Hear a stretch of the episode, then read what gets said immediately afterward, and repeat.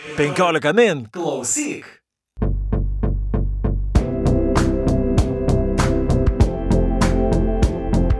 Sveiki gyvi 15 min klausytojai ir sveikiname su jumis naujoje perskaitimų podcast'o laidoje. Ir kaip visuomet su jumis esu aš Šaudris Ošalas. Ir aš Juratė Čerškutė.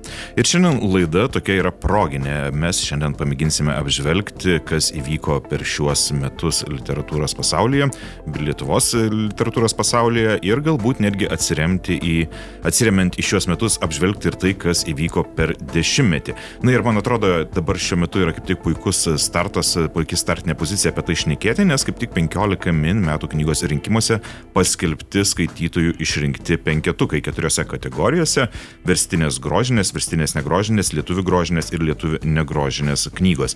Iš jų irgi galima susidaryti tam tikras įspūdį apie tendencijas. Ir e, šiandien kaip tik vat, ir mes aptarsime apie tai, kągi galima išvysti, žvelgiant į šios penketukus. Na ir Juratė, galbūt pradedame nuo verstinių grožinių knygų. Koks įspūdis tau, tau kyla, žiūrint į šiuos penketukus? Beje, penketukus galite surasti 15 min portale, tai galbūt taip apie kiekvieną knygą išsamei ir nekalbėsime, tiesiog apie bendresnius bruožus. E, man kyla įspūdis labai geras ir aš labai džiaugiuosi, kad e, penketukose yra ir labai gera literatūra ir yra tos knygos, kurios atspindi tendencijas ir pasaulinės tendencijas. E, Versinės grožinės knygų penketukė yra štai Nobelį spalio mėnesį gavusi Olga Tokarčiuk su begūnais. Man atrodo, irgi viena garsiausių pastarųjų metų latvių rašytojų Nora Iksten ar jos romanas Motinos pienas. E, labai džiugu, kad yra atspindima ta jau keliarius metus pasauliniai literatūroje stebima uh, Autofiction, nežinau kaip tiksliai išversti šitą terminą į lietuvių kalbą, čia turbūt lietuvių literatūros specialistai turėtų susėsti ir kalbėti, nes tarkim tas toks tikslus vertimas pažodinis autofikcija, jis būtų tarsi ne visai tikslus, bet tai iš esmės yra ta žanras, kada žmogaus asmeninis gyvenimas yra verčiamas į grožinės literatūros kūrinį, tai čia nebejotinas žanro lyderis yra norvegų rašytojas Karlas Uwe Knausgoras ir mes matom penketuke antrąjo romaną iš to didžiojo ciklo Mano kova mylintis žmogus. A, visiškai beje netikėtai mane maloniai nustebino, kad penketuke atsidūrė Sašo Sokolovo knyga Durnių mokykla. Toks, Nes toks eksperimentinis romanas ir tikrai nėra lengvai skaitomas.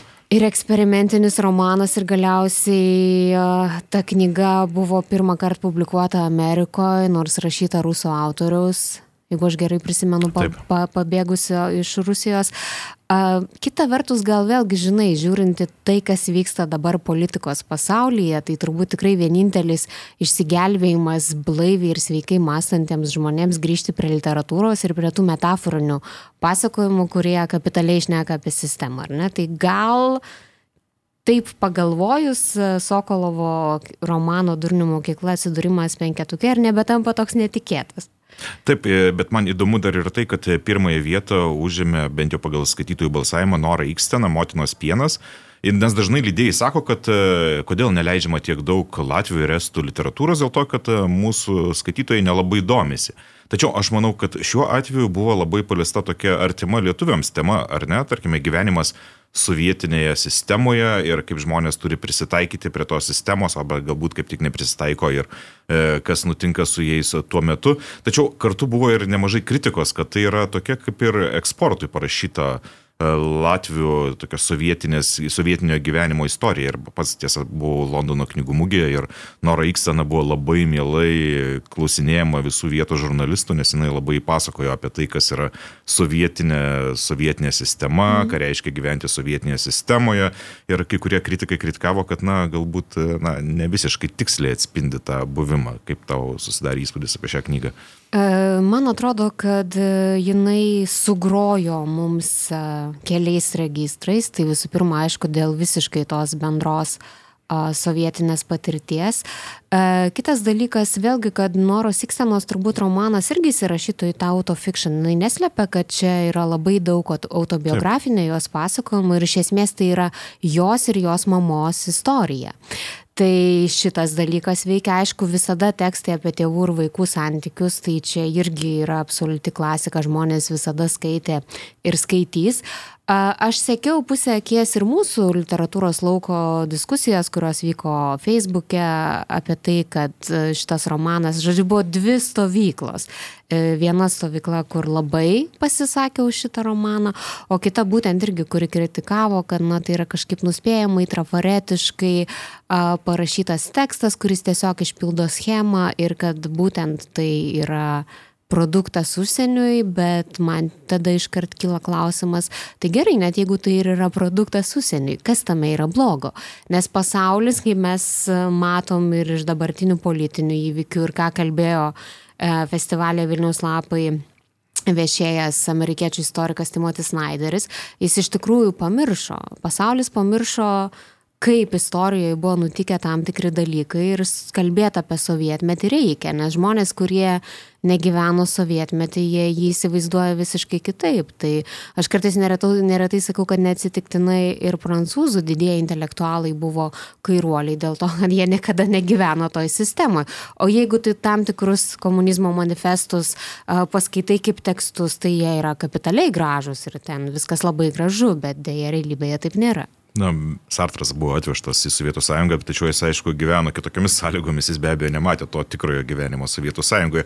Beje, Noras Ikstenas e, vertimas netgi į anglų kalbą ir pavadintas Soviet Milk ir pati autorė sakė, kad ne, nelabai patiko tas vertimas, bet aišku, čia buvo rinkodarinis triukas. Bet jinai pati pasiūlė šitą pavadinimą, kiek aš prisimenu, kai aš dariau interviu su ją, kad ji tarsi pati pasiūlė šitą pavadinimą vertėjai, nes buvo kiti variantai. Dar blogesni. E, taip, ir beje, mm, kai aš manęs klausia kartais, ar reikia skaityti anglišką ar lietuvišką, tai dėje tenka pasakyti, kad angliškas vertimas tikrai nėra toks geras, koks yra geras lietuviškas. Ir čia už lietuvišką vertimą tikrai aš noriu dar kartą pagirti vertėją Laurą Lauršaitę, kuri tikrai puikiai, man regis, šitą Noros Ikstenos romaną prakalbino lietuviškai.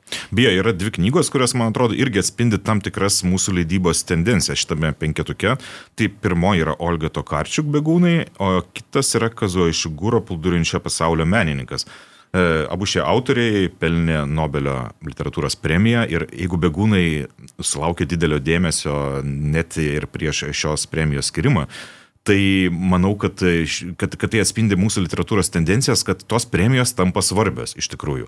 Ir kai Bukerį arba Nobelį gauna kažkoks autoris, dar prieš kokius dešimt metų mes turėdavome labai ilgai laukti, dabar jau yra taip, kad leidėjai žiūri, kas yra iš tikrųjų gauna tas pasaulinės premijas ir jie atsižvelgia į taip ir tas pas išigūro, aš nežinau, ar pavyzdžiui buvo, būtų išleistas dar šis kūrinys, E, jeigu jis nebūtų gavęs Nobelio literatūros premiją, nes atsiminam, kaip gavo Nobelio premiją, iš karto buvo perleisti du anksčiau lietuviškai išversti jo kūriniai, o štai dabar gavome ir dar vieną vertimą. Tas pats turbūt bus, kaip mes jau kalbėjome irgi vienoje iš podcast laidų su to karčiu vertimais, Taip. kad turbūt dabar bus verčiama daugiau, kas neaišku, ar būtų buvę, jeigu nebūtų gavusi jinai Nobelio literatūros premijos. Ir dabar, man atrodo, aš jau esu girdėjusi tą tokį gandą arba pažadą, kad galbūt, kai jinai gavo Nobelį, jau net lietuvių leidėjai galvos ir apie Jokūbo knygų vertimą. Taip.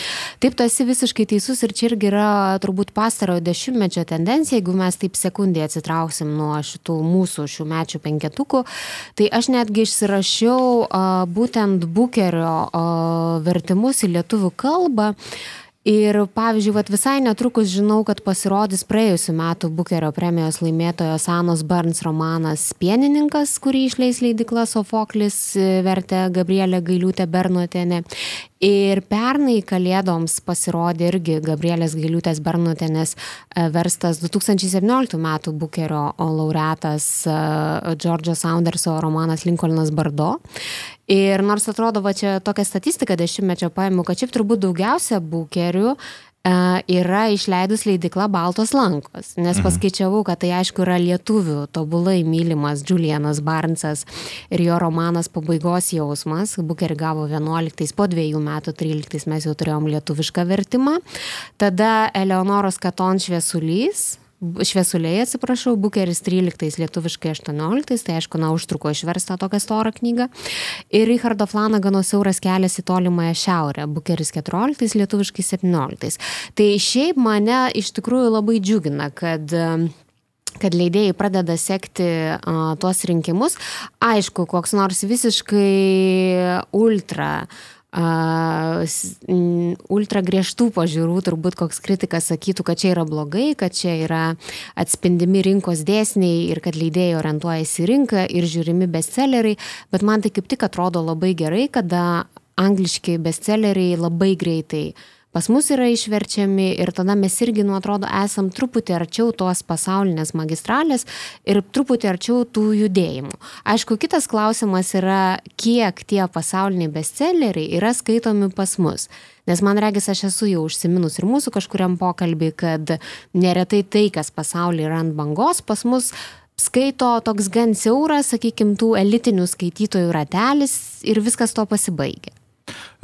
Taip, tačiau man atrodo, kad galima išvelgti dar kitą tendenciją. Viskas yra tvarkoje su Bukeriu, viskas tvarkoje yra su Nobelio literatūros premija, tačiau be abejo mes žinome, kad yra kitų šalių premijos, kurios pas mus yra leidžiamos kur kas mažiau, nes vėlgi tai atsirimama į tai, kad pas mus visgi verčiama daugiausia literatūra iš anglų kalbos tarkime, ar daug mes gauname, gauname kažkiek, bet ar tikrai operatyviai gauname Gonkūrų premijos laureatų? Manau, kad labai menkai. Arba Vokiečių literatūros premijų laureatų. Tai man atrodo, kad jau nekalbu, aš jau net nekalbu apie vidurio Europos e, literatūrą, kuri leidžiama pas mus iš vis labai vangiai. Absoliučiai, absoliučiai. Tarkim, palyginti su, ką aš galiu lyginti su Lenkų literatūros lauku, tai Mes iš vis nežinau, nei rumūnų, nei vengrų rašytojų. Nežinau. Ypač rumūnų, taip, taip. kur yra labai stipri literatūra. Aš jau nekalbu dar apie, jau norėčiau apie Latinų Amerikos literatūros vertimus, Ispanų literatūros vertimus. Žodžiu, tos premijos kaip ir viskas tvarkoja, tos pagrindinės, tačiau kitos premijos, man atrodo, atspindimos kur kas taip atsargiau.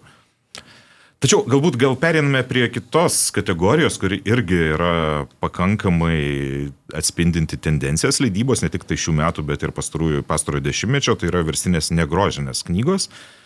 Ir viena iš tų tendencijų, štai penkios knygos, ir iš tų penkių knygų keturios yra leistos leidykloje kitos knygos.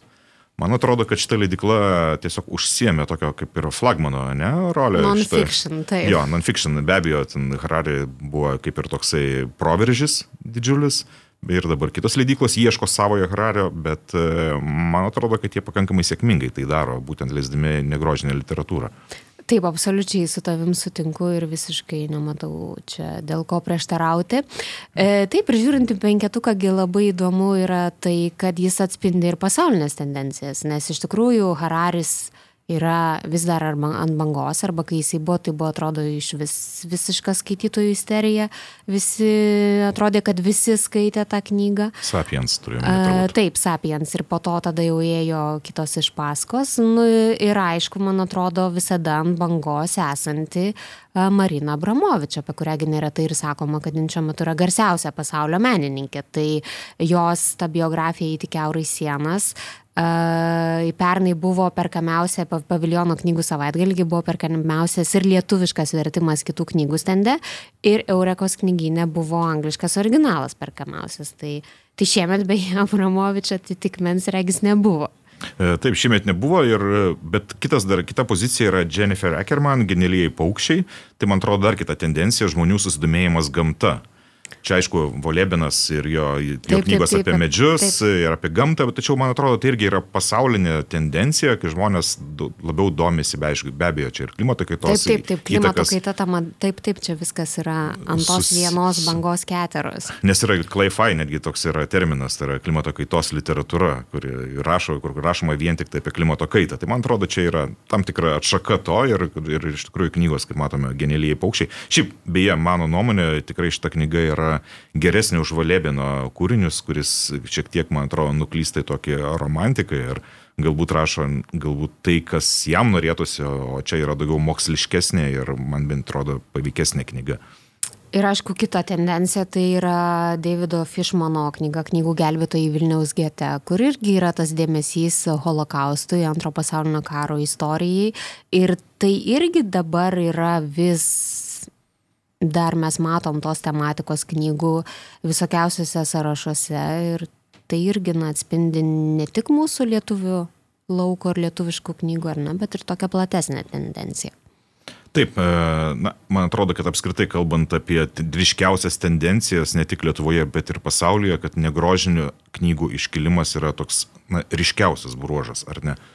Ryškiausias bruožas ir jeigu tu leisi man, aš pasakysiu dabar, nors gal mes prieisim prie to ir paskui apie lietuvių negrožinę, kad nutiko labai įdomus dalykas, kad tas augimas negrožinės matomas ir lietuvių literatūroje.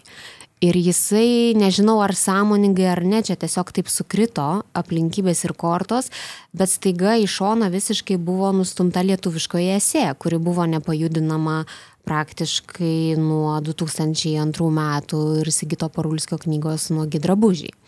Tai daugiau nei dešimtmetį buvusi lietuviškoje esė dabar kažkaip nežinau ar ji pasiėmė minutinę pertraukėlę ar truputį nutarė atsipūsti nes mes matysim tą ir ir ir mūsų penketukuose pernai buvo taip taip tai pernai buvo giedros radvilavičiūtės ir sigito parulskio knygos bet šiemet yra štai toks Na, Parulskio knyga irgi neseniai išėjusi, ten kompiliacija jo esė. Bet vat, tada klausimas, ar ten yra esė, nes man atrodo, kad tai yra tiesiog tokie trumpi pamastymai, uh, tiesiog yra per trumpas tekstas, kad būtų vadinamas esė. Na, bet aišku, sunku įsprausti. Arba esėjukais, jeigu mes pasitelkame Don, Donaldo Kajoko žodį. Taip, taip e, na, bet, bet kokiu atveju mes e, ir Vilniaus knygų mūgė, atsimenė, buvo viena diskusija, kurioje dalyvavom ir kalbėjom apie tai, kodėl žmonės e, tos negrožinės literatūros dabar yra taip pasilgę. Ir bent kelios buvo idėjos, viena iš jų, kad na, žmonės šiais netikrumo laikais ieško kažkokios patikimos informacijos fake news vėlgi sumažina žiniasklaidos autoritetą ir žmonės galvoja, kad bent jau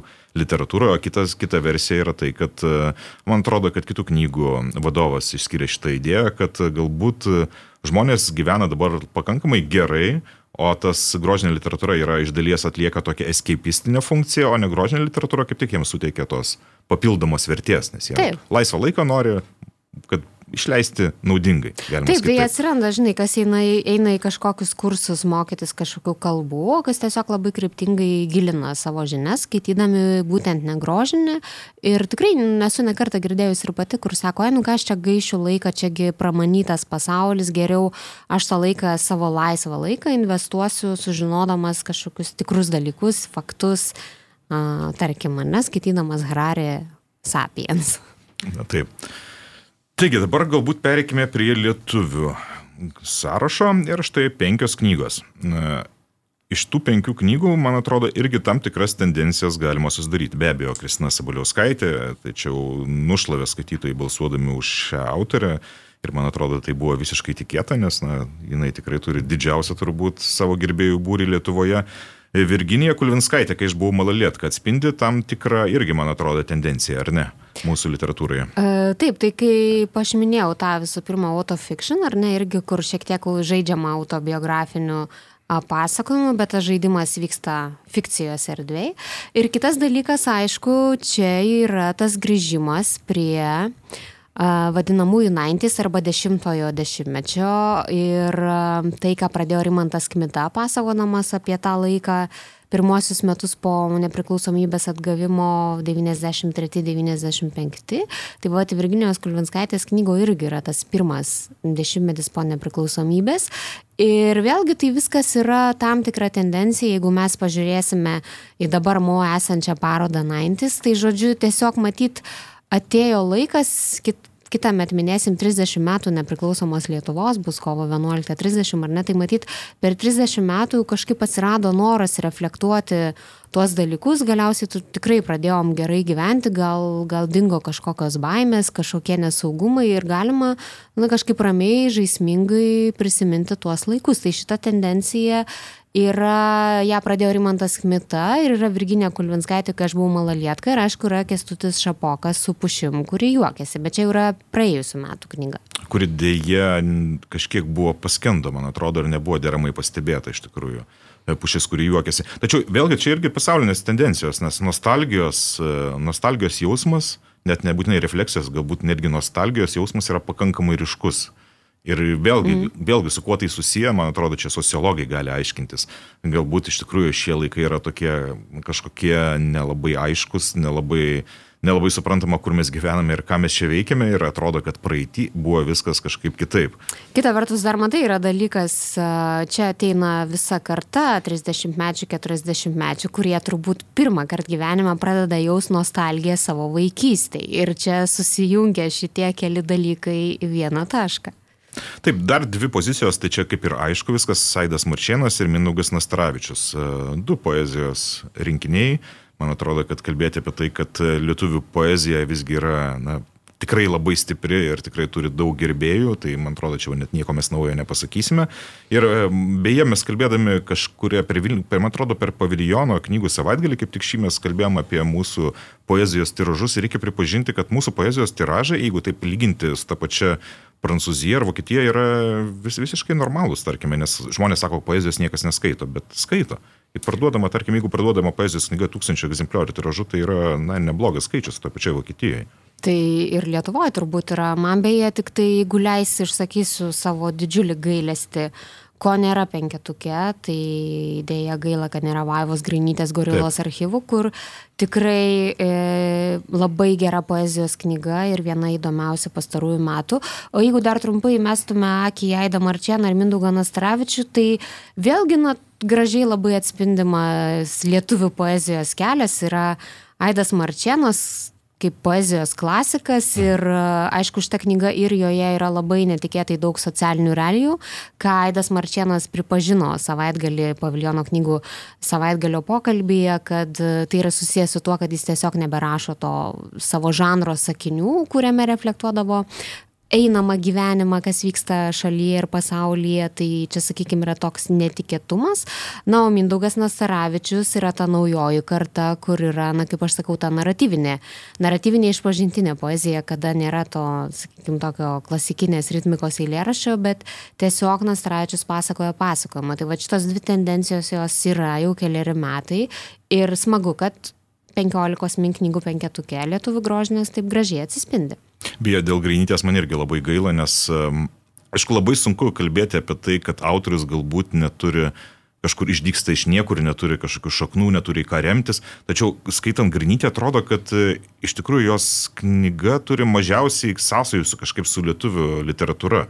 Atrodo, kad visiškai kažkoks naujas dvelgsmas pas mus ir netgi sunku ją poeziją įvardinti, ten kaip ir dramos, uh, kaip ir tas, tas visas humoras, jos labai groteskas, absurdas, jo iš tikrųjų yra tokia, kad aš neatsimenu, kada skaičiau pas mus. Uh, šiek tiek prieštaraučiau tau, nes man pirma mintis buvo, uh, kur, kai aš skaičiau Vaivos knygą dar pavasarį, kad jinai yra uh, Kazio Binkio anūkė. Ir aš po to visiškai tikrai nieko nežinau ir labai nustebau, mes tikrai su Gedrė Kazlauskaitė nesitarėm. Taip, keturvėjininkė pavadino. Taip, recenziją. jinai keturvėjininkė pavadino ir iš tikrųjų yra kažkas, va šita prasme, man Grainytė yra labai lietuvių poezijos tradicijoje, nes jinai peržaidžia gražiai tais dalykais, bet jeigu pažiūrėsim pastarų, pastarai, tarkim, dešimtmetį poezijos, tai taip, tai yra labai kitaip ir netikėta ir e, tos visos asociacijos, jos muzikiniai interpai ir visa kita, tai atrodo, kad, na, jinai turi labai daug e, ne tik tai iš literatūrinių kažkokių inkliuzų, bet turi iš įvairiausių kitokių sričių. Ir man atrodo, tai visiškai originalus darbas. Ir kiek žinau, jau pirmasis tiražas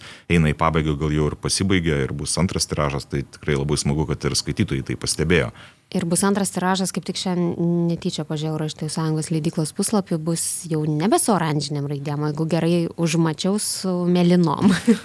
Na ir dar vienas vardas, tai Herkus Kunčius, geležinė Stalino pirštinė. Man atrodo, kad šitas autorius tikrai jau turi savo gerbėjų būrį dėl savo humoro ir, ir vėlgi paliečiamos temos, kurios yra nemažai kam aktualios ir man atrodo visiškai nestebina, kad skaitytojai prabalsavo už jį. Dar jeigu tik leisi įsiterpsiu, nes dabar tai pažiūrėdama e, prisiminiau, ką mes dar galim išburti iš šito penketuko, tai tiek Kristinos Abaliauskaitės Petro imperatorė, tiek Herkaus Kunčiaus geležinė Stalino pirštinė. Yra istoriniai romanai ir iš tikrųjų jau pastaruosius keliarius metus yra labai visam pasauliu stebima tendencija istorinių romanų atgimimo, yra kažkoks istorinių romanų vajus, tai uh, aišku, aš nekartą esu rašęs apie tai, kad Kristinos Abaliauskaitė susilvė Silva Rerum pradėjo tą istorinio romano fejerverką ir jisai tam tikrą prasme stabiliai visą dešimtmetį tęsiasi lietuvių prozoj Ir, na, šiemet irgi matom tą, kad yra štai labai įdomi. Yra autofiction, yra istoriniai romanai ir yra poezija. Toks praktiškai visiškai pasaulinių trendų penketukas. Beje, prie pasaulinių trendų, kad neužmiršiu, aš toks man viena tokia trumpa pastaba, mane labai iš verstinių knygų uh, pasaulio nustebino tai, kad beveik nebuvo dėmesio Hillary Mantel antros knygos vertimui, nes tai Hillary Mantel, kuri iš esmės užsienyje pakeitė istorinių romanų rašymo žanrą. iš esmės ir ta pati Sabuliuskaitė vertina kaip vieną iš didžiausių įkvėpėjų. Ir daugybė, daugybė iš tikrųjų autorių pradėjo rašyti istorinius romanus įkvėpti Hillary Mantel, o štai dabar buvo išleista antra jos knyga, Sofoklis išleido ir man atrodo tokia tyla, tai šiek tiek man buvo keista, nes iš tikrųjų tai tas vardas, kuris yra monolitas istorinių romanų žanrė turbūt. Tai taip, bet matai, turbūt lietuviams e, gal nesugroja, nesuveikia tas dalykas, kad tai yra anglų istoriniai, galbūt, galbūt. nes čia yra, tarkim, visada iškyla šitas momentas, kai, pavyzdžiui, kalbama apie Silvarerum vertimus, pavyzdžiui, į anglų kalbą. Ir tada tai praktiškai retoriškai yra klausima, ar tikrai Britui ar amerikiečiai bus įdomi Lietuvos didžiosios kunigaikštystės istorija. Ir čia Hillary Mantel atveju mes matom tą atvirkštinį variantą, kad, tarkim, mums tą, kas, na, iš skaitytojų mes spėjom, ar ne, kad turbūt nei ten jinai yra bestsellerių sąrašuose, nei štai jinai čia tarp mūsų, mūsų šitam sąraše iškilo, kad, nu, turbūt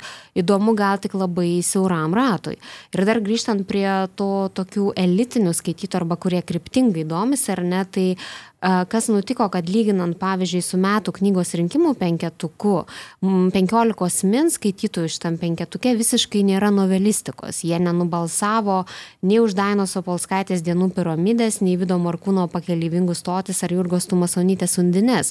Nors metų knygos rinkimų penketuke jie užima net tris pozicijas ir taip pažiūrėjus atrodo, kad čia yra kažkoks novelistikos žanro pakilimas ir iš tikrųjų jis yra, nes labai seniai lietuvių prozai nebuvo, kad per vienerius penkerius metus būtų tiek novelistikos knygų, bet, na, kaip matom, e, skaitytojams matyti tą novelistiką, vėlgi čia yra turbūt tas išrinktųjų elitinių skaitytojų, nes vis tiek novelę skaityti tai nėra kaip romaną, kur tu gali užsimiršti, ten visai koncentruotumas kitas yra. Beje, tu paminėjai apie istorinius romanus, aš tos pačios Kristinos Abaliuskaitės irgi kažkada klausiau, sakau, irgi uždaviau tą patį klausimą, ar iš tikrųjų anglų skaitytojams atlieptų tos aprašomos temos Lietuvos, Lenkijos. Mhm. Na, jos atsakymas buvo tai, kad jos nuomonė gera literatūra nepripažįsta sienų ir kad iš tikrųjų mes noriai skaitom, pavyzdžiui, Salmaną Raždį apie Indiją ar dar kažką, jeigu gera literatūra, tai yra literatūra. Tačiau galbūt va štai šis atvejis paliudė, kad istorinių romanų atveju visgi pirmiausia sužaidžia tai, kas žmogui artima Taip. ir tai, kuo jisai domisi istorinėme kontekste. Taigi, lietuvių negrožinės knygos ir, na, Čia nais, aišku, Juozas Baltušis, be abejo, žmonės tikrai skaito, man atrodo, ne iš didelės pagarbos šiam autoriui ir ne iš dėl to, kad labai mėgsto jo kūryboje, tiesiog tai yra puikus to laiko veidrodis sovietinio nomenklatūrinio gyvenimo ir rašytojų gyvenimo. Beje, šitą knygą man skaitant e, tiesiog galima kaip burtus mesti, tiesiog atsiverti kažkurį puslapį ir matai, ar, tam, ar toje vietoje yra geriama ar negeriama. Tai toks jausmas. Ir ar baltušiai ką nors skauda? jo, baltušių skauda arba gerima ir tada bandai atsekti, nes atsibūdavau pagiringas, tada bandai atsekti, kada iš čia geria, pasirodo ir vakar geria, ir už vakar. Na, toks pakankamai nikokas vaizdas atrodo, ar ne, iš to dienoraščio. E, jisai kaip, tai iš tikrųjų šita knyga yra toks, na, veidrodis, ką apie laikotarpį ir rašytoją gali pasakyti jo dienoraščiai. E, kita vertus, vėlgi tie visi gerimai, jie juk yra susiję su skaitytojais. Visi šitie taurelė viena ar ten trilitrinis alaus, jie įvyksta tada, kada jie grįžinėja iš susitikimo su skaitytojais iš provincijos, iš ten kažkokio kolūkio, iš kažkur. Ir iš tikrųjų, pažiūrėjau, aš pagalvoju dabargi mūsų literatūroje tokio žanro rašytojai, kad važinėtų, jie važinėja, aišku, kai yra metų knygos rinkimai, jie ten turi turbūt kažkokią dalį renginių važiuoti bibliotekas ir bibliotekos daro daugybę projektų, tai važinėja, bet to tokio važinėjimo ir tokio tikro rašytojų gastroliavimo po šalį su visais gastrolių dedamaisiais būtent ir išgerinėjimais, tai čia tikrai yra kitas dalykas, kas mane nustebino vis tik, koks baltušis buvo popa ta prasme, kad e, tai jam ištisai tą skaudėdavo, tai tą, tai jisai šoka į traukinuką ir važiuoja į Kauną, nes ten geresni daktarai. Ir pavyzdžiui, man tai iš tikrųjų yra labai įdomu, kaip rodomas tas nomenklatūrinis gyvenimas. Ir aišku, man kaip gavelio kūrybos tyrinėtojai iškart susiveda su jauno žmogaus memoaruose ta gavelio sukurta uošvio figūra, kur buvo CK e, pirmininkas ir, žodžiu, tiesiog va, taip viskas gražiai persidengia, pasitvirtina, susikloja. Aišku, pažiūrėjau, man įdomus tie jų aistros santykiai su Monika Mironaitė, kur ten pastoviai nori skirtis. Šiaip tikrai smagus ir aš, pažiūrėjau, kartais tikrai, kaip tu sakai, nu ne tik, kad išsiburt, bet tiesiog, va taip, žinai, prie kavos upui pasikelt, atsiverti iš bet kur, paskaitai kokį ir Ir staiga atsiverti vietą, kur sako, štai perskaičiau niekam nežinomą autoriaus Marko Zingerio e, kūrinį, visiškas grafomanas, ten su šauktukais, man atrodo, net tai, na, toks įdomus. Čia beje dar, aišku, labai įdomus yra tas literatūros uh, istorijos momentas, ar ne, ir ta recepcija, kaip Baltušis uh, aišku visada žinai yra klausimas kiek dienoraščiuose žmogus yra tikras jeigu jis buvo davęs nurodymą kažkada papublikuoti ir dažniausiai... Po 25 metų, tai vadinasi, jau jis taip apsisaugojo. Ir šiaip yra, žinai, sakoma, kad dienoraštis visada yra rašomas kitam ir tu visada rašai su viltim, kad vis tiek kažkada perskaitys kažkas. Tai aišku, klausimas, kiek ten yra to tikro nuoširdumo ir kiek ten tie vertinimai tikri, bet literatūrinį pasaulį pamatyti iš visai iš to, sakykime, pačio svarbiausio, tokio kaip iš flagmanų vieno ar ne tuo metu lietuvių tų rašytojų ir žiūrėk dar, kiek ten ištisai jam rašo iš visų Noriu sakyti mikrorajonų iš visų provincijos rajonų, kad ten mano žmona serga, padėkite taisyti ligoninę, ten milijonas pažįstamų laukai ir taip toliau ir panašiai. Ir aš net prisimenu mano šeimoje Uh, yra kaip juokais pasakojamos istorijos, kai Baltušis atvažiuodavo į mokyklas ir kai bendraudavo. Nu, žodžiu, jis toks buvo visiškai uh, sakytume dabar, e, kaip amerikiečių kokie autoriai, ar ne, irgi išvažiuoja knygų pristatymo turus, tai Baltušis puikiai to darė sovietmečiu. Puikiai tai darė ir atsimenu dar viena vieta tokia buvo, kur e, jisai sakė, gavęs pasiūlymą, kad nuvažiuoti kažkokį ten renginį ir mainais už tai, kad sudalyvaus renginį, jam iškas šulinį. Galvoju, štai, Natūriniai mainai. Taip, taip, tai na, įdomus laikai tokie buvo. E, gerai, tai aišku, ne vienas baltušis tam penketukė yra ir matome Gitiminas Kajenas, 33 portretai, man atrodo, čia yra dėl to, kad iš, m, labai dažnai dabar žiniasklaidoje pasigendama tokių išsamių, ilgų pokalbių su menininkais. Taip. Ir man atrodo, tai puikiai atliepia šitos knygos toks populiarumas. Na, Robertas Petrauskas, Barbarosa, be abejo, žinomas žmogus iš televizijos, iš protumūšio, iš visur, kur tik tai įmanoma, ir jo knyga apie antrąjį pasaulinį karą. Tai... Ir tikrai ne pirma, ir tikrai jis jau turi savo skaitytojų ratą, tai čia man regis tikrai nuostabos nekelia, kad jį yra penketukė. Ir buvo įdomu, tai aišku, tai, kad jisai šią knygą išleido pats ir tiesiog davęs irgi interviu ir apie tai, kaip sekasi pačiam leisti, kokios sąnaudos ir kiek nereikia parduoti, kad, bet kiek suprantu, visai neblogai sekasi. E, dar jeigu žiūrėtume į lietuvių negrožinę, tai mane iš tikrųjų labai džiugina, kad penketukė atsirado dizaino istorikės e, Karolinos Jekaitės knyga Šaltojo karo kapsulė apie tą legendinę ir sikiumistinę nežinotą lietuvių parodą Londone 69-aisiais. Ir tikrai labai gražiai išleista knyga ir labai įdomus istorinis šaltinis, tai man tiesiog smagu, kad žmonės irgi ją skaito. Na ir aišku, Gražinos Vidarskytės Lituanika, tai turbūt viena irgi iš leidyklos Aukso žuvis, bestsellerinių knygų, bent jau prisimenu, kad knygų mūgiai tikrai buvo nemaža eilė skaitytojų prie autografų. Ir na vis tiek Lituanika yra mūsų tautos vienas iš mitų 20-ojo amžiaus. Tai... Ir atsidarskite, dekonstruoja tą mitą. Taip, jinai jį dekonstruoja labai grakščiai ir vietomis nenuolaidžiai. Tai tikrai man smagu, kad šitos knygos yra skaitomos, kurios tikrai yra solidžios ir nes, tarkim, Gražinos Vidarskės Lituanika tai yra parengta jos disertacijos pagrindu, tai yra mokslinis tyrimas. Tai, ir beje, mokslinis tyrimas yra ir gailo už, už brūkšnio likusi Tomo Vaisėtos knyga Vasarnomis apie sovietinę lietuvių psichiatriją. Tai irgi buvo mokslinis tyrimas, kurį žmonės tikrai, aš pati mačiau, kad labai labai daug kas skaitė ir labai daug kas žavėjosi. Tiesiog knyga buvo išleista jau pakankamai seniai ir gal žmonės, kurie... Lygiai prieš metus. Lygiai prieš metus ir žmonės jau turbūt perskaitė ir galbūt nesurinko tiek daug e, tiek daug balsų, o pavyzdžiui, Karolinos Jekaitės šaltojo karo kapsulė man dar buvo įdomi ne tik tai tuo, kad atspindėjo tą tokį įvykį, bet ir e, pertikė ir šiek tiek lietuvių to laiko mentaliteto, irgi bruožas galbūt mentaliteto, ta prasme, kad e, kaip jie drįso daryti šitą, šitą parodą, tai buvo vis tiek drąsūs sprendimai. Ir kaip jie atvažiavę į Londoną, vaikščiojo, nesuprasdami anglų kalbos, ir kaip jiems apie atrodė laisvas pasaulis, ir ten nuotraukas iš to laiko Londono, beje, irgi tokios įspūdingos. Ir tarsi įdomu skaityti apie žmonės ištrukusius iš sovietinės tokios na, kaip čia pasakyti, na, kalėjimo ir į laisvą pasaulį patekusius ir to įspūdžiai buvo iš tikrųjų įdomus. Taip, ir, ir beje, tu priminėjai apie tas nuotraukas, tai jos buvo rodomas pernai vykusioje parodoje Nacionalinės dailės galerijoje. Tai aš prisimenu, kad nežinau, kiek laiko sėdėjau priešais tą projektorių, gal jas persuko tris kartus, bet iš tikrųjų tie kadrai taip pagauna tų laikų Londoną ir vėlgi dar, dar labiau suveikia, kai tu žinai, kad fotografuoja žmogus, kuris gyvena už geležinės uždangos. Tai čia veikia labai daug dalykų. Na, o dabar grįžtant prie šiokių tokių tendencijų, aš na, daugiau kalbant apie verstinės knygas, tai um, pasižymėjau keletą tokių punktų.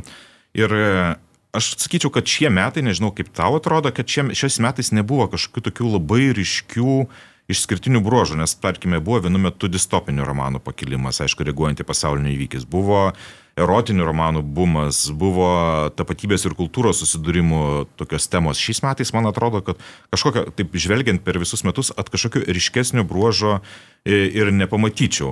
Ar, ar, ar, tu, ar tu galėtum išskirti kažkokį tai? Aš dabar tu pasakai ryškiausias bruožas ir aš kažkaip iškart prisiminiau, kad ryškiausias bruožas iš Vilniaus knygų mūgės buvo, kad visi netikėtai kuopė Matieso Enaro romaną Kompasas. Tai gal man čia toks, bet čia yra tiesiog vienos knygos tendencija. Taip. Bet šiaip aš sutikčiau su tavim, kad kažkokių tendencijų nėra, bet kita vertus per metus pasirodė labai daug gerų knygų, kurių Tarkim, aš seniai laukiau lietuviškai, nu pavyzdžiui, Edvardo Sentobino Patrikas Melruzas arba mhm. Filipo Roto, kuris nu, gaila, kad nepakliuvo į penketuką, mm, kiekvienas žmogus. Man atrodo, tai... ketvirtoji knyga Roto išversta lietuvių kalba, ar ne? Taip, taip. Tai, žodžiu, arba nu Eka, kur nevano grožis lik žaizda, tai yra tokia labai specifinė mm, knyga.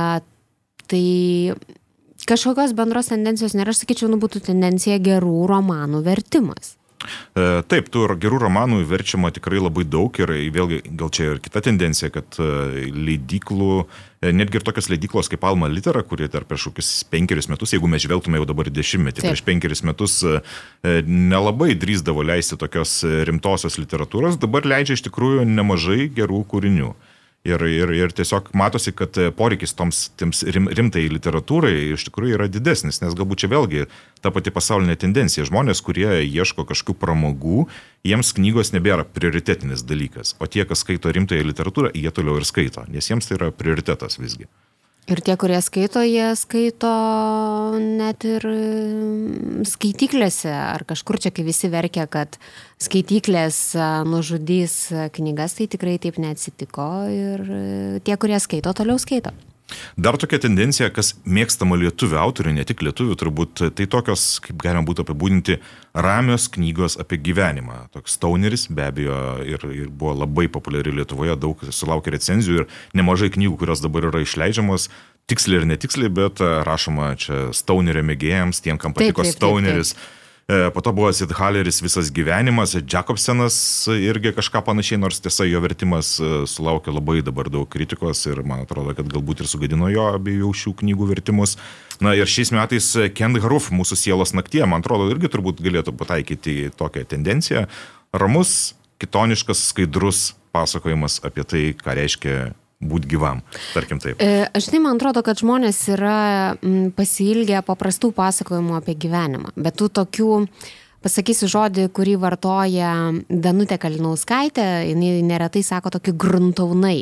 Tai tarkim, Vatrojaus Jakobseno uh, neregimieji ir po to Baltoji jūra yra toks nu, visiškai atšiaurus gruntaunas iš, iš esmės iš gyvenimo uh, saloj parodimas ir arba Zietalerio visas gyvenimas. Man atrodo, tabakininkas jau nebebuvo taip stipriai skaitomas kaip visas gyvenimas ir veikia tas, kad ten tiesiog rodo, kaip žmo, žmonėm ten neįvyksta kažkokių stebuklų, jie tiesiog kiekvieną dieną gyvena, kiekvieną dieną dirba tam tikrus paprastus kasdienius darbus ir užpildo tą savo būti visais šitais reikalais. Ir man atrodo dabar, kai mes užsiskrolinę, nuvargę ir nusimultitaskinę ir viską darom dešimt dalykų vienu metu, tai va tas grįžimas prie kažkokio visiškai, nežinau kodėl į galvą man dabar lenda iš Rimanto Kmitos pietinio kronikos, ten man ne, ne kartą herojai sako, kad reiks pakainiai būt.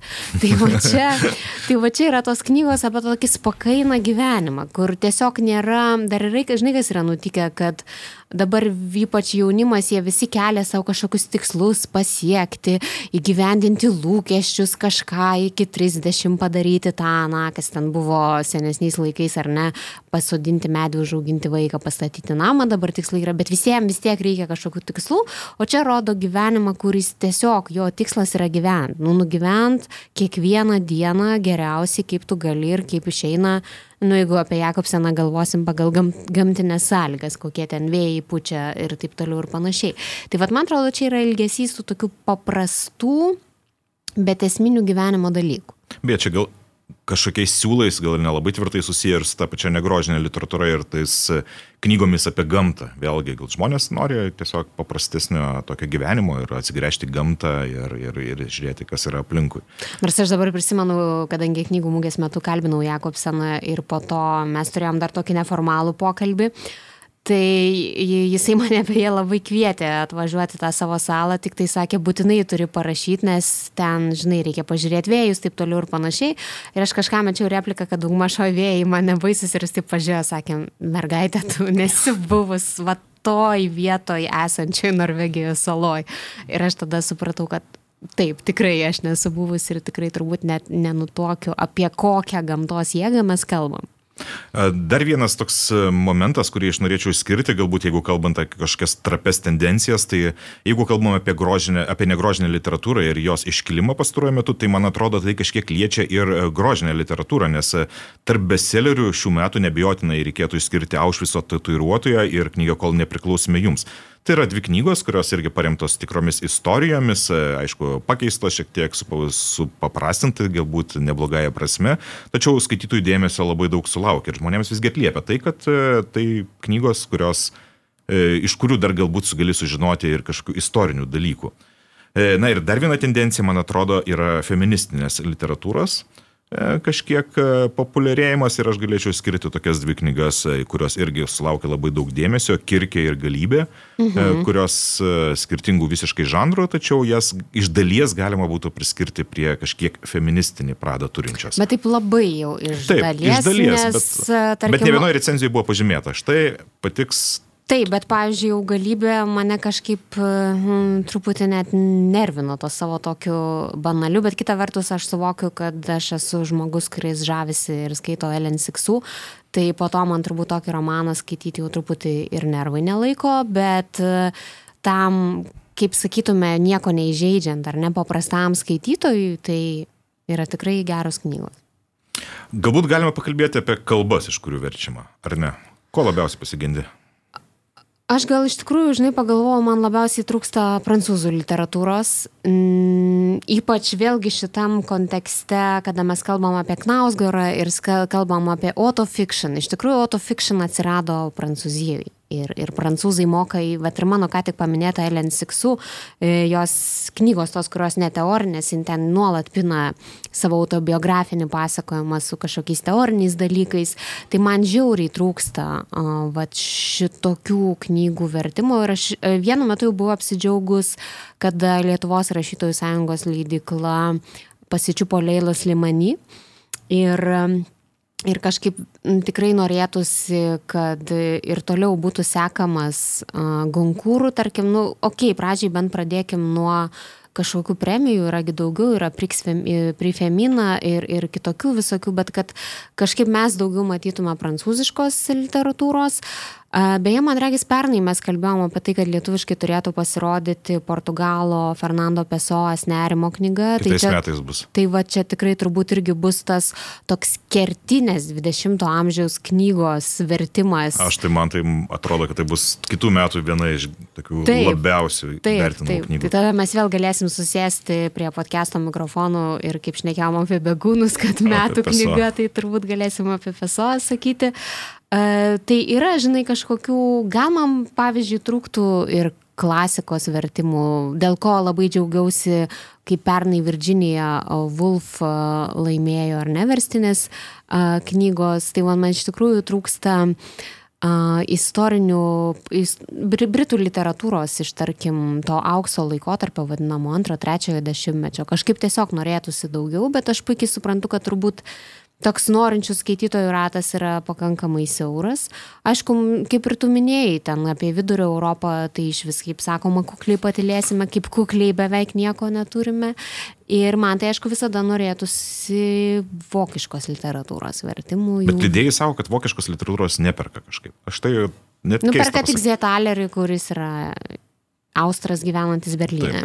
Taip, taip, bet, na, iš tikrųjų, kažkaip jiems atrodo, kad e, ir ne viena leidikla taip sakė, kad vokiškos literatūros skaitytojai kažkaip neperka. Net man tai yra labai keistas, aišku, dalykas. Na, dėl vidurio Europos aš irgi labai, labai liūdžiu, kad jos yra leidžiama mažai, tačiau vėlgi yra toks Ota Pavelas, jo knyga Puikių įstirinų mirtis, kaip aš sutikau žuvis, tai yra, mano nuomonė, buvo viena geriausių tais metais išleistų knygų, o kiek žinau, leidikla savo, kad tai yra viena didžiausių jų leidybinių nesėkmių. Tai man atrodo, po tokių nesėkmių jos labai atsargiai žiūri į tos pačius rytų Europos arba vidurio Europos knygų leidimus. Ir dar žiūri turbūt dėl to, kad e, gal neparemė ten kokie nors kaip čia dabar pasakyti, organizacijos, kur ten remia, nežinau, tarkim, lenkiškus vertimus gali, gali remti Lenkų institutas arba kažkokios Lenkų institucijos, ar ne, tai gal čia yra dar uh, šita bėda, bet dabar taip kalbėdama pagalvojau, gerai, o pavyzdžiui, kiek tų ispanų arba italų literatūros vertimų taip. per pastarosius metusgi jų irgi nėra daug. Taip, ir man atrodo, kad vėlgi su remimu yra daug kas susiję. Kurios valstybės yra investuoja būtent į savo kultūros klaidą, taip, kurios taip. veikia aktyviau per fondus, to, to, tos literatūros mes daugiau ir gauname.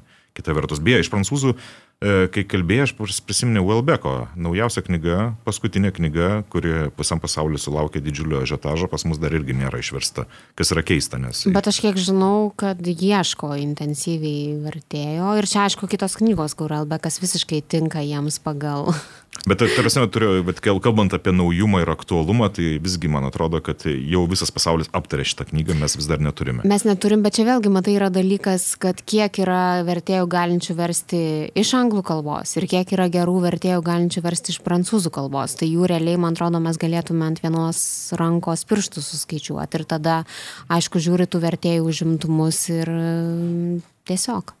Beje, kalbant apie tų kitų kalbų literatūros populiarinimą, Irena Aleksaitė, vertėja iš lenkų kalbos, viename iš neseniai duotų interviu e, priminė irgi, kai kalbėjo apie tai, kad, na, galbūt lenkų literatūra nėra labai gerai skaitoma, dėl to niekas ir neleidžia. Tai priminė tokį faktą, kad Tito Alba, kai pradėjo verstinės e, knygas leisti, tai jie griebėsi skandinavų literatūros, kuri irgi tuo metu Lietuvoje buvo visiškai nežinoma. Tačiau dėjo tokias skriptingas pastangas, e, reklamavo ir štai dabar skandinavų literatūra puikiai skaitoma. Tai turbūt galbūt ir pačios leidyklas galėtų na, tuo užsimti. Kaip, pavyzdžiui, Sofoklis susiemo Izraelio literatūros leidimu. E, Izraelio, arba dabar žiūrėk, Samantha Šveblin, jie tikrai visai laiko ir tą lotynų.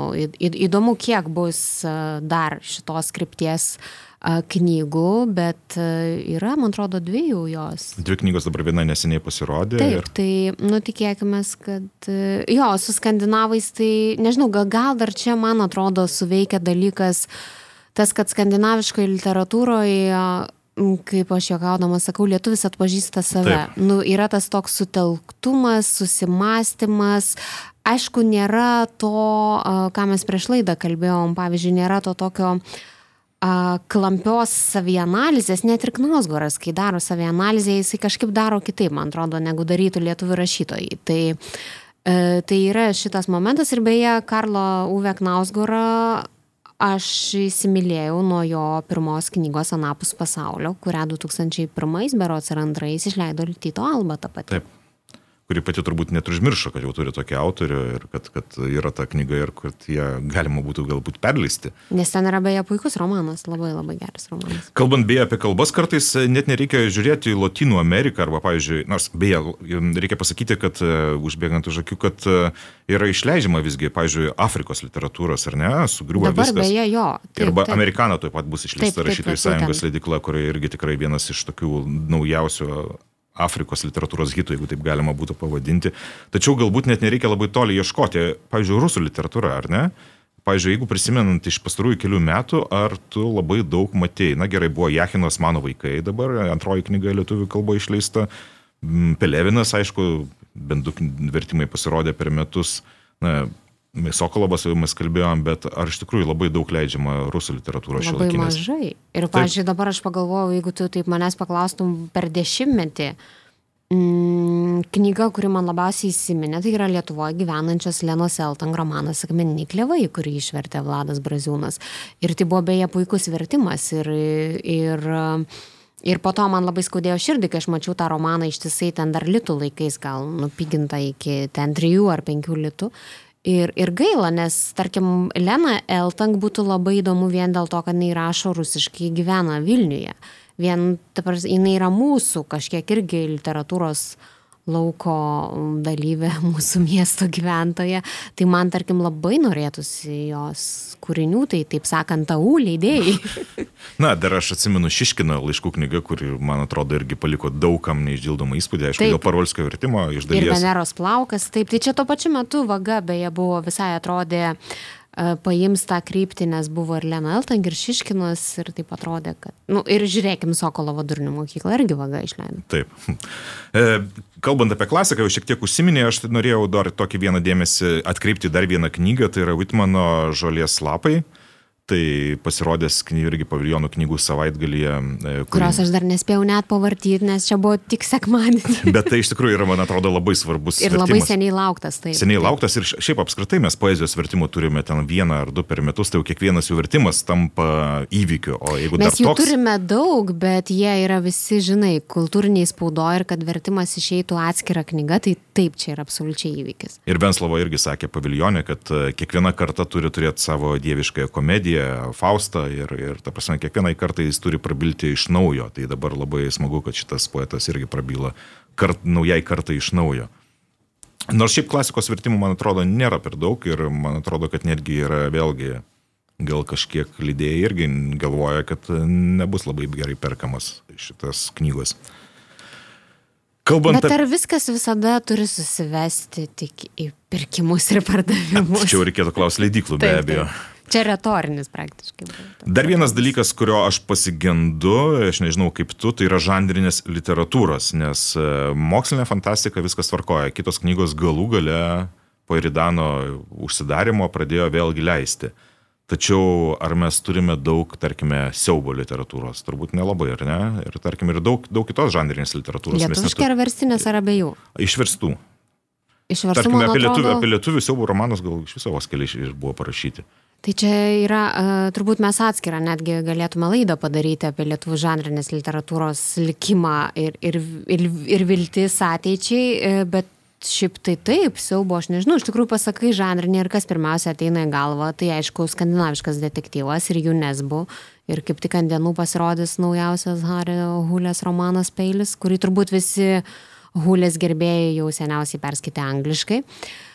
Bet em, siaubo tai aš tikrai neprisimenu. Kita vertus vėl yra dalykas, kad aš nėra, kad labai intensyviai norėčiau skaityti tos romanus. Bet, pavyzdžiui, Lovecraftas išėjo ir buvo visai neblogai, man atrodo, skaitomas ir sulaukit pakankamai didelio dėmesio, gal dėl to, kad klasika, aišku. Tai vad, gal čia ir susivestų, kad klasika ir, ir, ir geri vertėjai buvo, kurie ir patys visai reklamavo tą leidinį. Toliau, ką dar galima atkreipdėmėsi, man atrodo, kad e, visai toks pagirtinas dalykas, jeigu atsiminė dar iš senų laikų, jeigu grįžtant į kokius prieš 10 metų ar panašiai, kai buvo 20 amžiaus aukso fondas ir panašios tokios serijos, tai dabar e, pradėjo leisti naują seriją, keliautojų laikų seriją.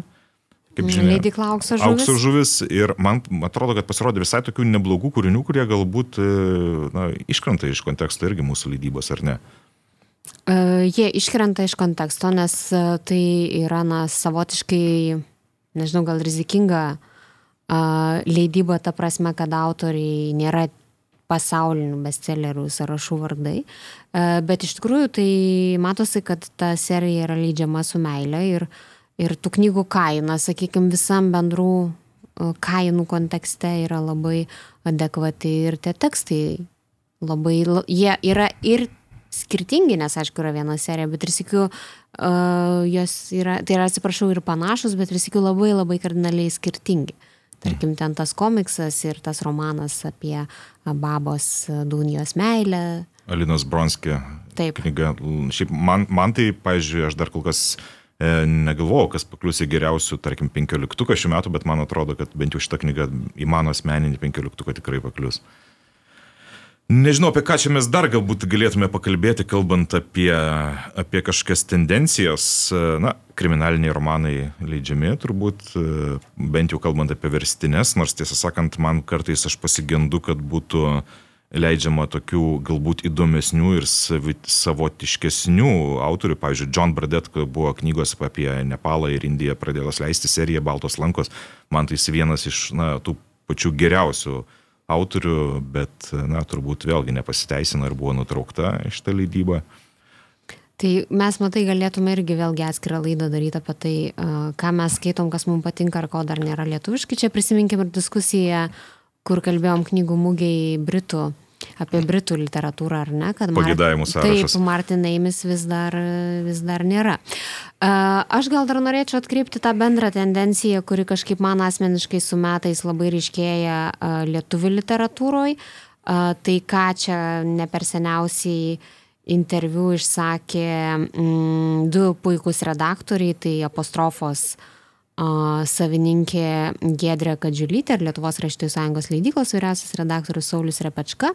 Tai apie tą redaktorių klausimą, kada aš irgi nekartą sakau, kad lietuvių proza būtų žymiai geresnė, jeigu turėtų gerą redaktorių ne ta prasme, kuris sužiūri kablelius ir pagal taisyklės ar taisyklingai suderinti linksniai, bet tas, kuris šiek tiek kišasi uh, į siužetą ir šiek tiek, na, ne tai, kad jisai perdėlio, bet tam tikrus dalykus pasiūlo rašytojui permastyti, kad tarkim čia ar klimsta tekstas, ar čia yra kažkokia siužetinė dobė ir man atrodo, kad su metais šitas, nes čia problema yra, ką sakė Repečka su Kadžiulytė, kad tų redaktorių mažėja senosios kartos. Ir jie grįžtami, reikia kovoti dėl gerųjų. Taip, reikia kovoti, o, o kažkaip, kurie ateina jauni, tai uh, kažkaip baisiai nuskambėjo Repečkos tas sakinys, kad jis dar nėra matęs uh, taip neparuoštų žmonių per savo visą kaip redaktoriaus karjerą. Tai nežinau, čia labai, labai didelis klausimas ir man atrodo, kad jisai su metais tik tai umės. Mhm. Na, be abejo, šita problema yra, bet, na, čia vėlgi, kas, kas, kas turėtų šitoje vietoje keistis, kas čia turėtų daryti, tai yra vėlgi švietimo spragos. Taip, bet e, kita vertus turi turbūt ir patys autoriai supras, nes aš žinau istoriją, kada vienas autorius norėjo to turinio redagavimo ir jis buvo jam pasiūlytas.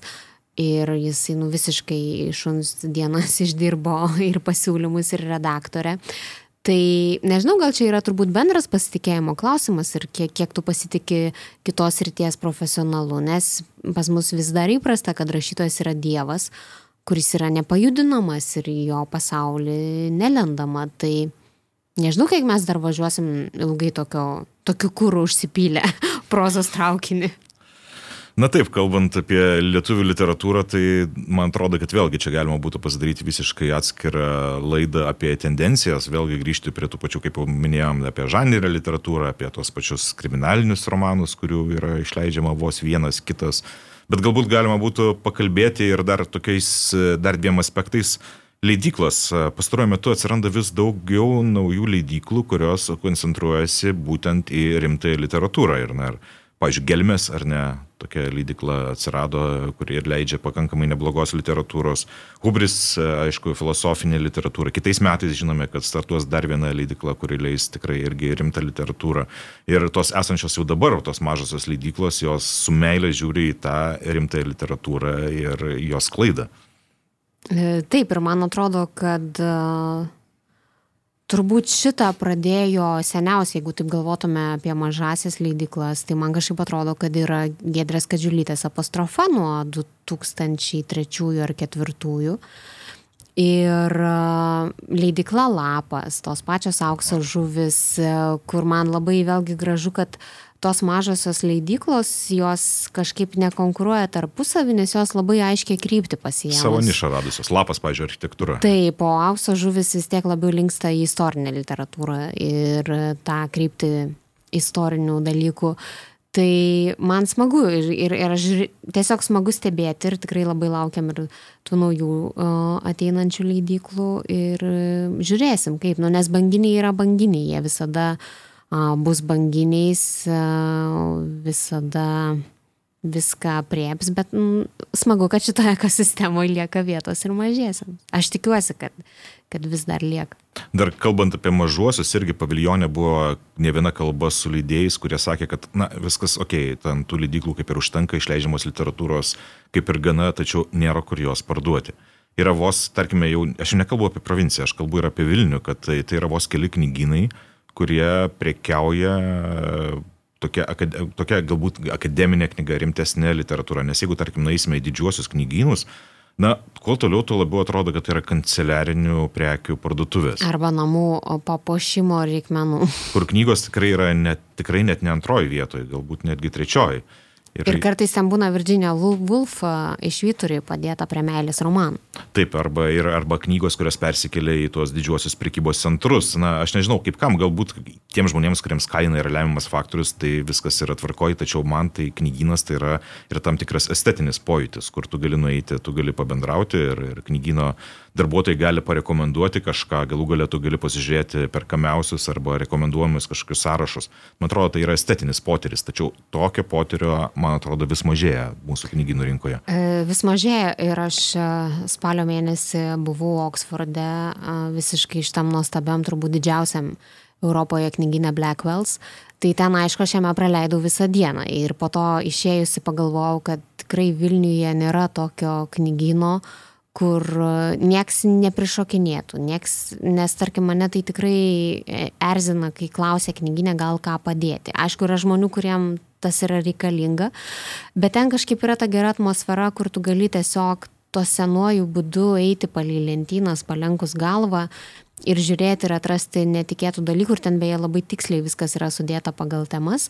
Nežinau, vienintelis turbūt belikęs, yra du belikę knygynai Vilniui, kuriuos aš dar užeinu. Tai aišku, universiteto knygynas ir be jokios abejonės knygynas Eureka. Tai e, čia vėlgi, jeigu mes žiūrėtume į dešimtmečio tendencijas, tai kiek Eureka pasikeitė per dešimtmetį ir kaip jie išplėtė savo asortimentą, ir kaip ten dirbantis Benas Grigas puikiai sužiūri ir man visada tas yra fantastika, kai aš grįžtu Varšuv, iš Varšuvos, kur beje nėra tokio gero angliško knygino ir ateinu į Eureką ir aš jau matau New York Times bestsellerių sąrašo knygas išklotas ir jas gali imti ir pirkti.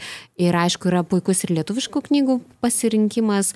Uh, tai tas yra, bet galvojant apie provinciją, aš manau, kad leidėjai turėtų pradėti galvoti ir apie internetinę prekybą Ir pavyzdžiui, kas man pastaruoju metu yra labai aktualu, tai elektroninės knygos. Ir mes, kiek, tarkim, mano Varšuvos knygų klubas kiekvieną kartą susiduria, kada mes renkamės, ką skaitysim kitą mėnesį, yra esminis klausimas, kaip gauti tą knygą. Nes jeigu mes kalbam apie popierinę knygą, tai reiškia, kad kažkas uh, reikia, išsiž... reikia išklausti, kas važiuos artimiausių metų į Lietuvą, kad nupirktų tas popierinės knygas ir tikrai mes neatsisakom ir puikiai skaitytume elektroniniais variantais, nes visi turi įrenginius, ar ne? Bet nėra šito dalyko, ar nežinau, čia vėlgi, aš tai būčiau už šitą už tai, kad būtų kuo daugiau elektroninių knygų ir tada tie, kurie sėdi provincijoje, tai visiškai bet kada vienu paspaudimu tu tą knygą nusiperki. Aišku, tada klausimas tik tai kyla dėl kainų, nes pas mus neretai elektroninė knyga ar popierinė beveik nieko nesiskiria, bet jeigu pažiūrėsim Amazoną, tai bus hardcover, tai aišku, ten kokiu, tarkim, gali būti 30 dolerių, paperbackas 14, bet jeigu jau tai bus Kindle formatas, tai bus jis iki 10 eurų, dolerių arba eurų, nebent ten kažkokia labai, tarkim, bestsellerinė ir labai ten kokio žinoma autorius knyga. Bet tu be abejo žinai leidėjų atsakymus. Leidėjų atsakymas bus pagrindinis, jie bijo piratavimo. ir bijo, kad nutekės ir dėl to investicijos. Bet kol nebus Taip. oficialios, originalios alternatyvos nepiratauti, tol visi toliau sėkmingai pirataus. Taip, aš irgi su tuo sutinku ir man atrodo, kad, na, ta leidėjų baimės, man atrodo, kad ir samoningėja tie patys skaitytojai ir nebūtinai kiekvienas, e, tarkime, nusipirkęs knygą, ją būtinai mėgins iš karto įdėti kažkokius tinklus. Taip, e, ir dar vienas dalykas, apie kurį galbūt jau paskutinis, jau kalbant apie, apie tuos metų tendencijas, man atrodo, reikėtų kažkiek pašnekėti ir apie literatūros festivalius, nes visgi, e, kaip tavo nuomonė yra, dabar mes jau turime jau iš tikrųjų nemažai Solidžiai. Tai ar iš tikrųjų jau to užtenka, ar iš tikrųjų jau tas literatūrinis gyvenimas kaip ir jau, galima sakyti, užpildytas, ar visgi dar kažko trūksta?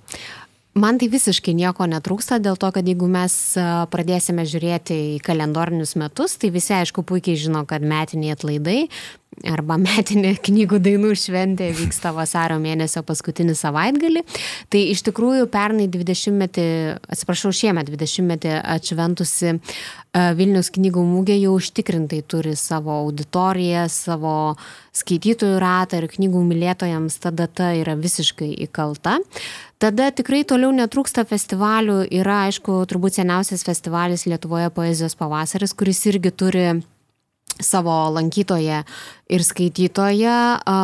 Vasara man visada siejasi su Gedros Radvilavičiūtės forumu Šiaurės vasara, kurio šiemet nebuvo. nebuvo ir, ir kiek aš žinau, Gedra Radvilavičiūtė tarsi padarė pauzę dėl to, kad tikrai yra šiek tiek tikrai netrūksta tų festivalių. Tai e, nežiūrėk, e, prieš ketverius metus e, lapkritį prasidėjo festivalis Vilniaus lapai, kuris tikrai turbūt yra po knygų mūgės antras, tarkim, solidžiausias pagal atsivežamus autorius, bet vėlgi čia turbūt aš dabar taip pasakiau ir galvoju, kad net negali lyginti, nes knygų mūgės autorių spektrą formuoja pačias leidyklos ir jos pačios nutarė, kas atsivešt, o čia yra e, iš esmės kelių žmonių festivalis, e, kuris e, man labai patinka ir to konceptu, kad jis atlieka tą šviečiamąją misiją, kad literatūros renginiai irgi turėtų būti mokami.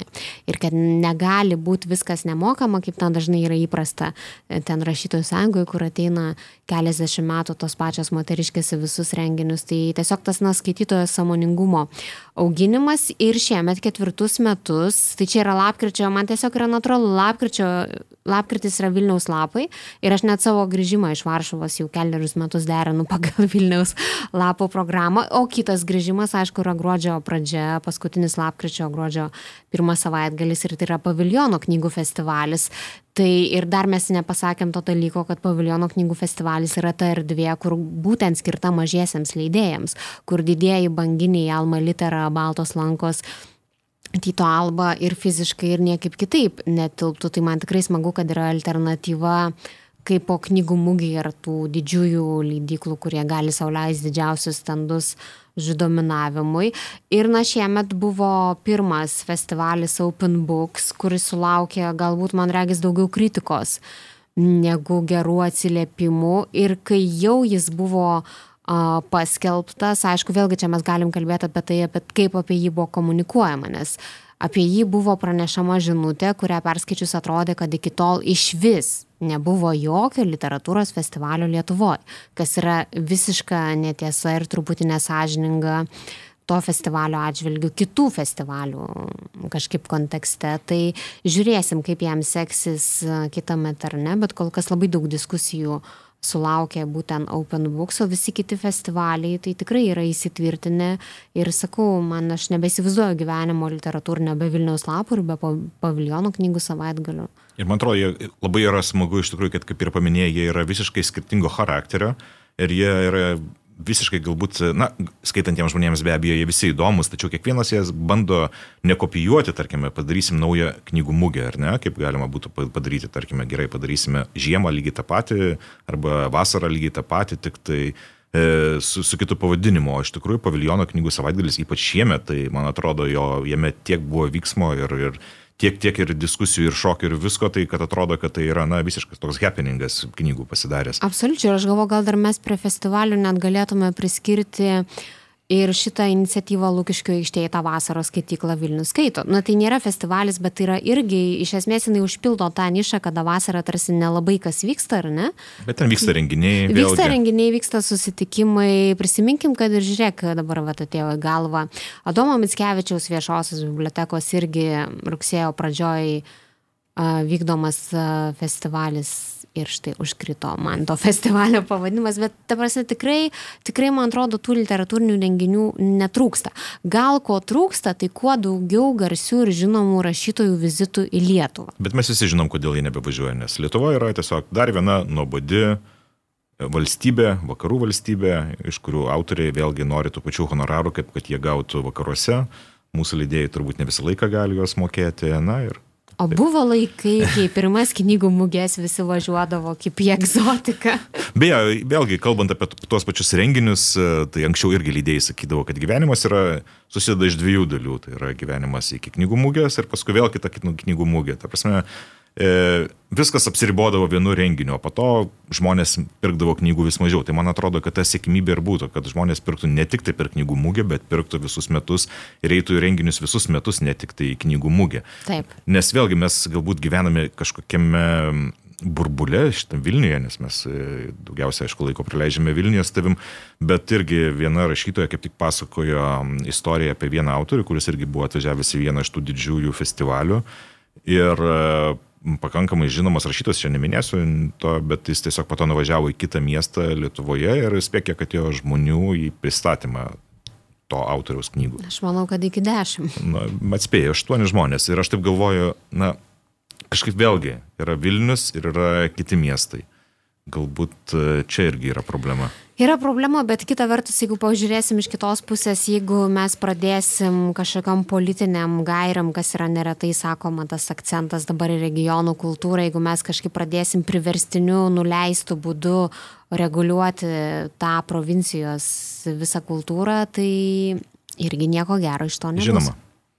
Na ir gerai, man atrodo, baigiant pokalbį jau, ką, metai baigėsi, artėja kiti ir man atrodo, kitais metais mes jau paminėjom, išeina Peso, išeina Bolanijo, ilgai lauktas vertimas ir daugybė kitų, man atrodo. Bus labai gerokai. daug puikių knygų, porą pavadinimų laikau kaip paslapti, bet po šios laidos aš tau pasakysiu.